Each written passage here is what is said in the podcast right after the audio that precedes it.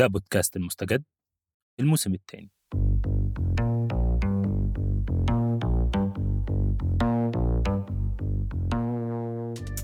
هاي الحلقة السابعة من الموسم الثاني بكل أسبوع حاولنا نقدم لكم خبر واحد ونغوص شوي بتفاصيله. لو كنتوا مشغولين بالفترة الماضية وما تابعتوا أخبار أو حابين تسمعوا تفاصيل عن مواضيع أشغلت العالم اسمعوا حلقاتنا السابقة. لو حابين. رح نكون معكم في هاي الحلقة. أنا لمى رباح وهشام إسماعيل وحلقتنا اليوم عن نتفليكس. cancel نتفليكس أو إلغوا اشتراكاتكم على نتفليكس. هو هاشتاج شغل 200 ألف شخص في يوم الأول على تويتر واتكتب عنه الكثير من المواد الصحفية ده غير البرامج التلفزيونية والنقاشات على السوشيال ميديا. الهاشتاج cancel نتفليكس كان تعبير عن غضب عدد كبير من الناس على فيلم أو مبدئيا على بوستر فيلم بتظهر فيه أربع بنات أعمارهم حوالين ال 11 سنة. كانت مشكلة المحتجين على البوستر هي إنه هدول البنات الطفلات وقفتهن بتحمل نوع من الإيحاء الجنسي مثل أي راقصات راشدات بنشوفهن بفيديو كليب أمريكي مثلا. وأسفل البوستر عنوان الفيلم الجديد المنتظر بثه على المنصة الشهيرة نتفليكس فيلم Cuties الأمورات الحلوات الكيوتات اللطيفات. والغضب كمان انصب على وصف الفيلم اللي بيقول إيمي تبهرها فرقة للرقص الإيحائي وفي سبيل الالتحاق بها تبدأ باستكشاف أنوثتها متحدية تقاليد العائلة. فالرقص الإيحائي اللي فيه إغراء موجه للكبار بالإضافة للبوستر المثير للجدل كانوا خلطة مثالية لإطلاق موجة غضب على الفيلم. انتهت باتهامه بالترويج للبيدوفيليا يعني للتحرش الجنسي بالأطفال وتصويرهم بطريقة شهوانية Vous faisiez quoi à la gare On va danser au concours. Putain, ça avec vous. بالإضافة لهاشتاج المقاطعة على تويتر كانت كمان في عريضة مقاطعة تانية لنتفليكس على موقع change.org وقعها أكتر من 600 ألف شخص ده غير تقييم 2 من عشرة المنخفض جدا اللي أخدوا الفيلم على IMDb وحوالي 2 مليون شخص أبدوا عدم إعجابهم بالمقطع التشويقي للفيلم على يوتيوب. نسيت أحكي لكم عن عنصر مهم من الخلطة واللي وسع دائرة الغضب على الفيلم لأسباب ثانية ثقافية كمان. بطلة الفيلم الطفلة اللي اسمها إيمي واللي بتنضم لفريق الرقص وبتتمرد على تقاليد عائلتها هي طفلة سنغالية مسلمة عايشة بفرنسا وتعيش في كنف عائلة مسلمة محافظة. أبوها متزوج تنتين وأهلها شكوا إنه تصرفاتها الطايشة سببها إنه فيها جن مثلا. فذاك الذي يجري إلى غير آية. ويبلو أقمار السهود البنات التانيات اللي بنفس الفرقة وبنفس العمر الفرنسيات ما عنا أي علم عن أهلهن أو خلفيتهن الثقافية طول الفيلم. فيبدو لنا إنه أهلهن موافقين تماماً.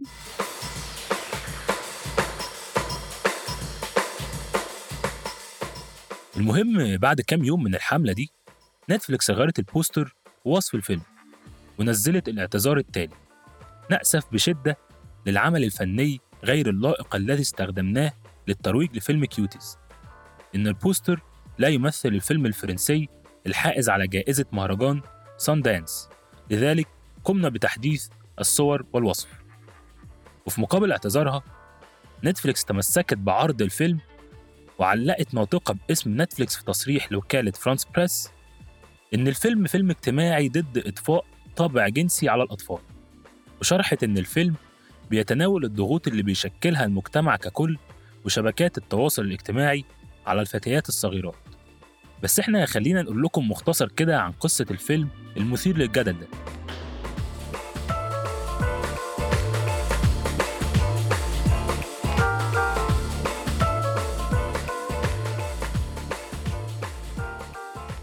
فيلم اللطيفات بيحكي عن إيمي البنت اللي عمرها 11 سنة وبتعيش بصراع بين عوالم ثلاث تستكشف من خلالهم أنوثتها.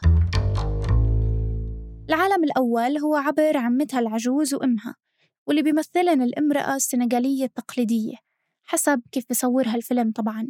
وهو عالم صعب مش مفهومة تعقيداته لطفلة عايشة بفرنسا.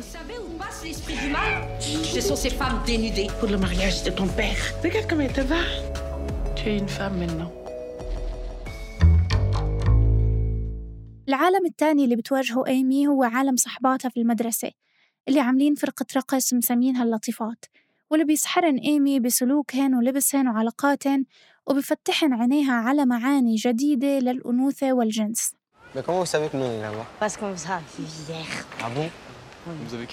14 ans. Ils ont 11 ans. Comment ça D'ailleurs, Non, non, on, Non, on est en troisième. Non, on est en lycée. On connaît les Pythagore, tous, je connais. regarde, regarde, je sais réciter. Je sais réciter. Comment il Ah, s'appelle déjà des gamines. Eh, eh, c'est des gamines. Mais non, juste, est-ce que vous avez un petit 06 07 01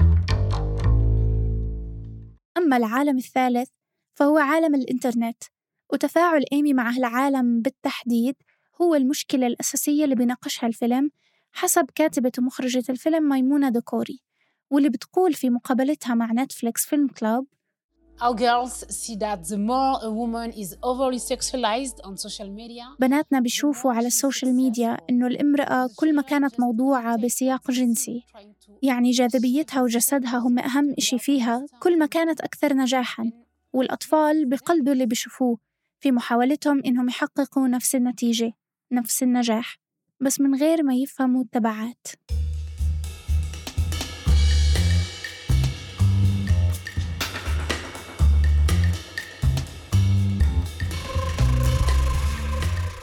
فيلم اللطيفات هو واحد من أفلام النضوج نمط من الأفلام أو تصنيف.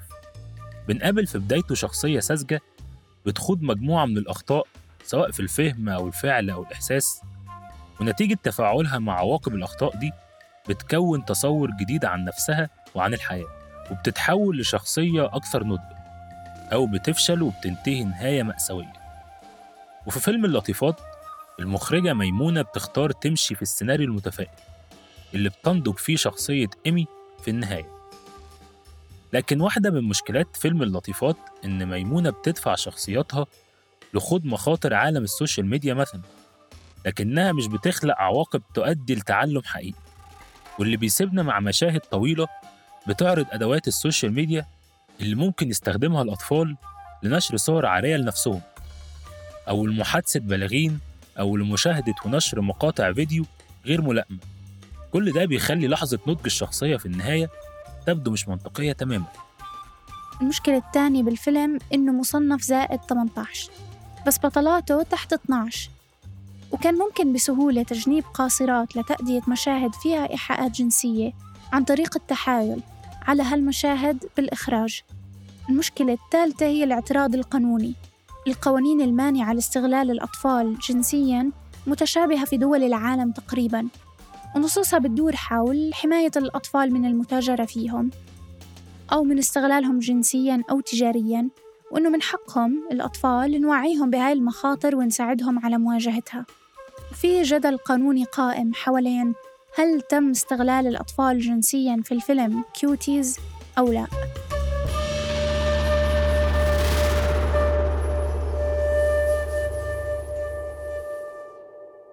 الفيلم أثار جدل كبير وفتح موضوع متكرر حول سياسة المحتوى في نتفليكس معاييرها وخطوطها الحمراء.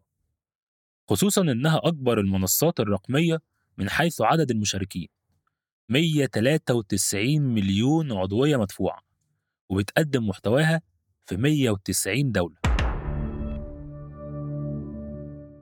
نتفليكس بتقدم نفسها باعتبارها منصة بتمثل التنوع وبتستوعب أطياف مختلفة من الناس. ورغم إن توجهها ده نال احترام كتير من الناس وخصوصا الأقليات اللي ما كانش ليها التمثيل كافي في الأعمال الفنية لكن ظهرت تصادمات. مع نهاية 2019 واجهت نتفليكس غضب واسع بسبب فيلمها الإغواء الأول للمسيح The First Temptation of Christ. الفيلم كوميدي ساخر بصور المسيح كرجل مثلي جنسيا وهذا أثار غضب عدد من المشاهدين اللي شعروا بإهانة معتقداتهم الدينية.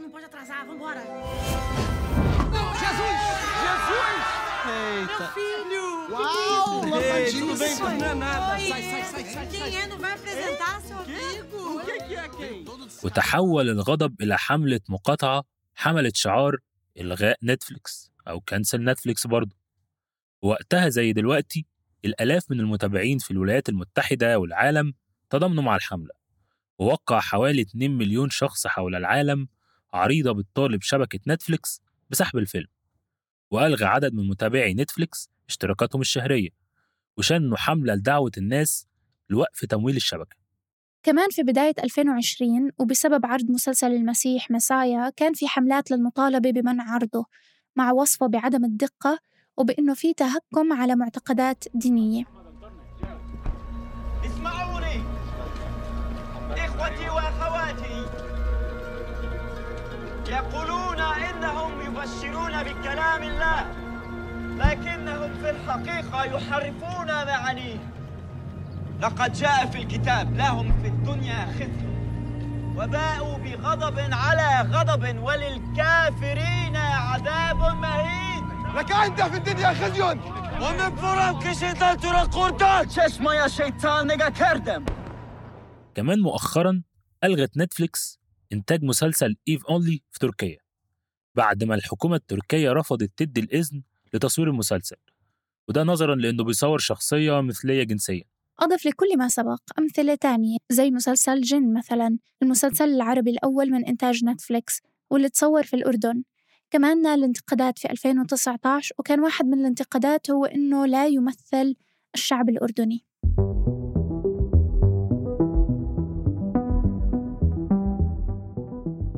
أسباب الاعتراض على كل عمل من هدول كانت مختلفة.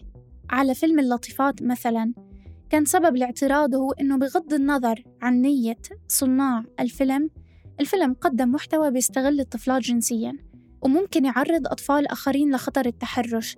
كونه ممكن ينفهم إنه بيشجع البيدوفيليا أو بيعرض مشاهد ولو قليلة تشبه محتوى إيحائي محوره بالنهاية جسد طفلة. فيلم اللطيفات اتعرض في مساحات مختلفة غير نتفليكس في مهرجانات ودور عرض.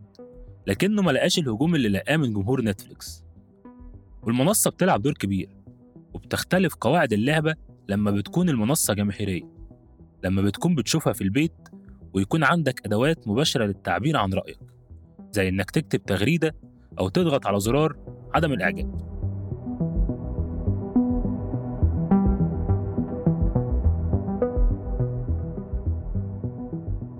خلينا ناخد كمان مثال عشان الموضوع معقد حبتين.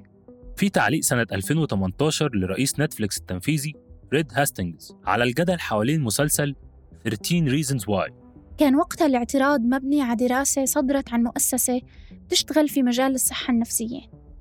تحكي الدراسة إنه هذا المسلسل بالذات 13 Reasons Why واللي قصته عن انتحار مراهقة أمريكية مرتبط بزيادة مش بسيطة بمعدلات الانتحار عند المراهقين الأمريكيين بيقول هاستنجز المسلسل حقق نجاح وشعبية كبيرة هو مثير للجدل لكن مشاهدته مش حاجة إجبارية وبيسألنا هل كل حاجة جدلية بتظهر على منصتنا المفروض نحذفها؟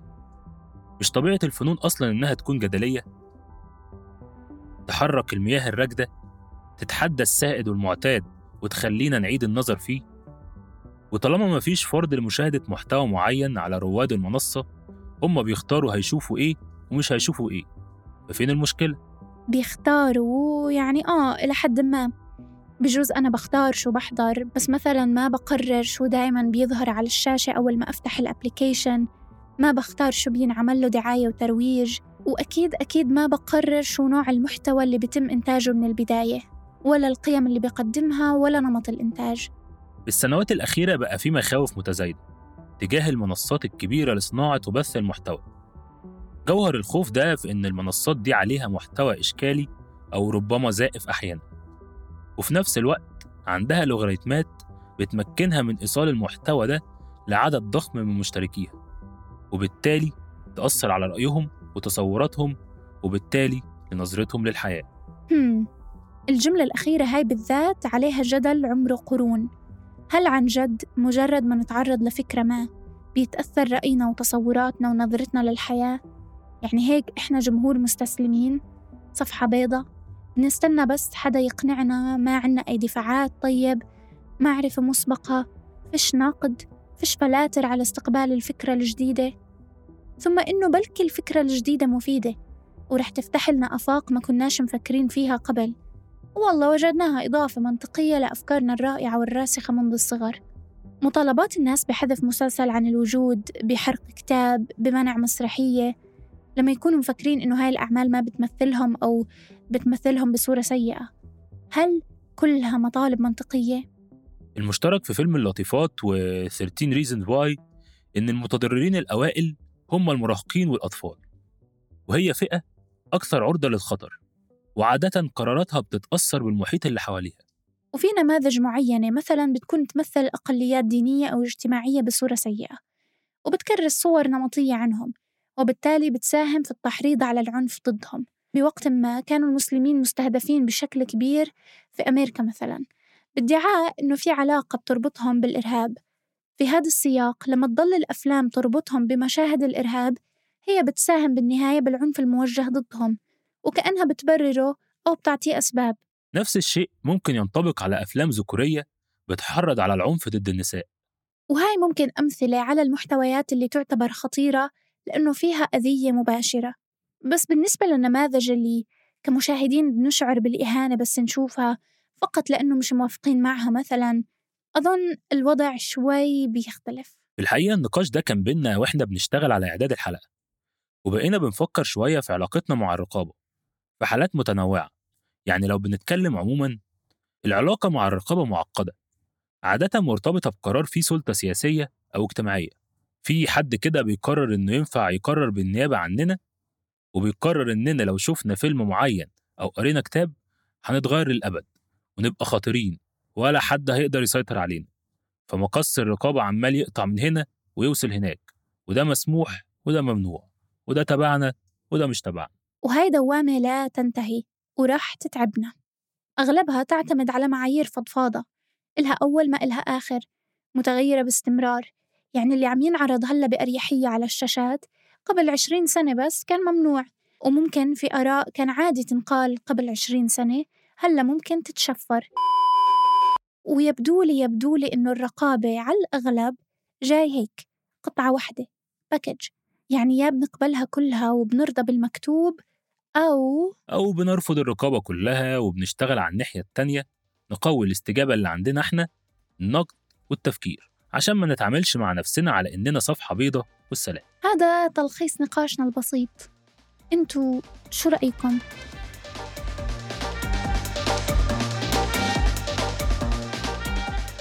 ده بودكاست المستجد كنت معاكم في التقديم هشام إسماعيل الحاج مهند في الكتابة روان نخلة في البحث. وتيسير قباني في الإخراج الصوتي. ما تنسوش تشتركوا في قناة بودكاست المستجد على منصة البودكاست اللي بتفضلوها عشان تتابعوا حلقاتنا اللي جاية.